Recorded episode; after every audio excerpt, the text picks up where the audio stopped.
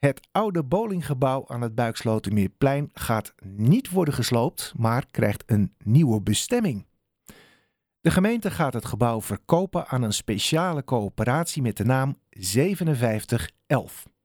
Aan de telefoon Thijs van Spaardonk, hij is bestuurslid van de coöperatie. Welkom in de uitzending. Ja, dank voor de uitnodiging.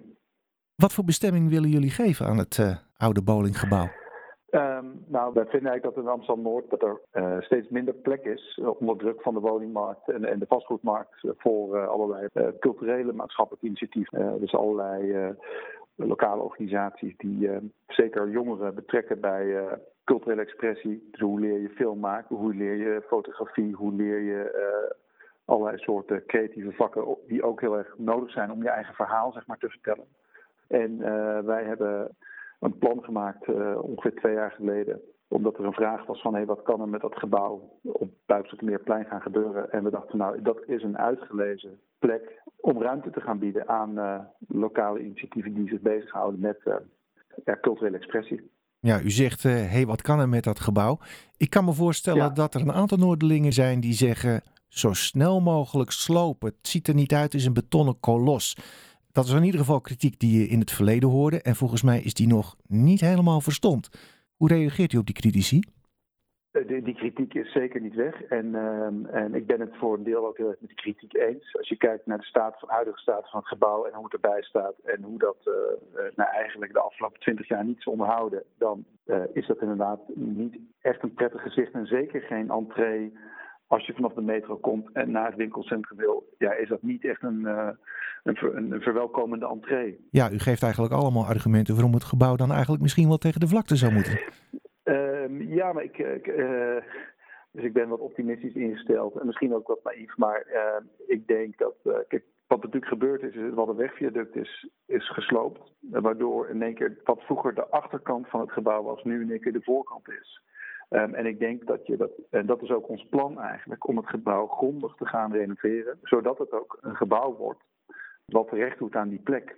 Uh, uit gesprekken, ik woon zelf uh, nu uh, ruim negen jaar, denk ik, in Amsterdam-Noord. Dus ik ben een relatieve nieuwkomer. Maar als je praat met mensen die hier al langer wonen, voor hun heeft die bowling, even los van hoe het gebouw eruit ziet, maar de functie die het had, de bowling, was, nou, dat was de enige plek in Noord waar wat te doen was s'avonds. Dus daar had je ja, heel veel mensen hebben heel veel kinderfeestjes gehad op die plek. Dus het heeft wel een belangrijke culturele waarde ja. uh, in de geschiedenis van Amsterdam-Noord.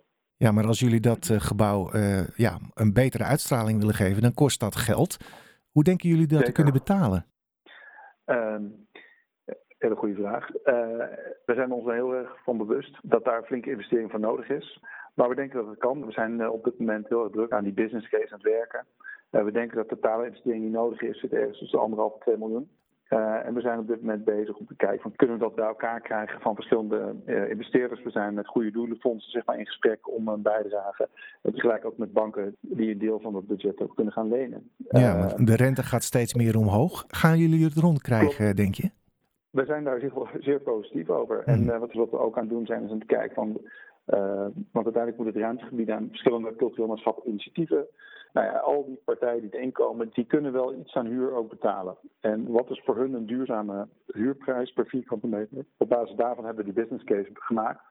En we denken dat we daaruit kunnen komen. Ja. Uh, en daarbij uh, kijken we ook naar uh, normaal bij een bouwproject gaat er natuurlijk heel veel geld naar uh, de winstmarges van uh, aannemers, de adviseurs, de consultants, de, de, architecten, zeg maar, die allemaal betrokken zijn. Nou ja, kunnen we dat gewoon allemaal als vriendendiensten zeg maar, gesponsord krijgen. Daarmee kunnen we gewoon al flink besparen. Ja, nou hebben jullie daarvoor een speciale coöperatie opgericht met de naam 5711. waar komt die naam vandaan? Die naam die refereert aan het OV-zonegebied van Amsterdam-Noord. Waar vroeger met de bus de strippenkaart 5711. Precies. Ja, ja, oké. Okay. Precies, precies. Ja, ja, ja, ja. En jullie zijn een coöperatie, hè? Daar kan iedereen in deelnemen in principe. Volgens mij is dat het kenmerk van een coöperatie. Uh, hoe hebben jullie geregeld dat ook echt iedereen mee kan doen? Dat hebben we nog niet geregeld, maar dat moeten we wel doen. We hebben die coöperatie uh, ruim een jaar geleden opgericht met uh, kringloopbedrijf Locatie, dus de huidige huurder van het pand, Verdedig Noord en Productiehuis Noord. We zijn het, stichtingsbestuur zou je kunnen zeggen, maar we hebben gelijk bij die oprichting. Dat moest allemaal snel, snel. Hebben we gezegd van nou, we, richten onszelf nu op, maar we, uiteindelijk moet iedereen lid kunnen worden. Dus waar we nu komende maanden mee aan de slag gaan. En dat moeten we, uh, dat is ook de afspraak die we met de gemeente hebben, de huidige eigenaar van het gebouw. Dus dat wij onze statuten op zo'n manier gaan inrichten. Dat we wel natuurlijk vasthouden aan de, de waarden die we oorspronkelijk bepaald hebben. Uh, maar tegelijk moet iedereen daar lid van kunnen worden. En dat er dus ook uh, ledenvergaderingen zijn uh, waar mensen ook kunnen stemmen op de koers, zeg maar, die die coöperatie gaat voeren. Ja, en wanneer denkt u dat uiteindelijk uh, de deal zijn beslag gaat krijgen? Ehm, wij hopen, dat is de planning, dat we 1 april met de gemeente een overeenkomst gaan tekenen. Waarin we ook de verkoopprijs van het gebouw eigenlijk vastleggen. Mm -hmm. Maar waarin we ook een afspraak maken over wat we de komende anderhalf jaar, want dat is een beetje de periode waar we aan vastzitten, zeg maar, eh, gaan doen. Uh, en ik verwacht dat we daar uh, nou ja, het komende jaar, dus 2023, zeg maar, nog zeker mee bezig zullen zijn. Maar de deal met de gemeente, dus de overeenkomst met de gemeente dat wij het gebouw gaan overnemen, die, als het goed is, wordt die 1 april, zeg maar, gaat die getekend worden. Nou, mag ik u een hele goede deal toewensen, in ieder geval op 1 april. En we zullen elkaar daarna denk ik nog wel een keertje spreken. Bedankt Thijs van Spaandonk. Geen dank.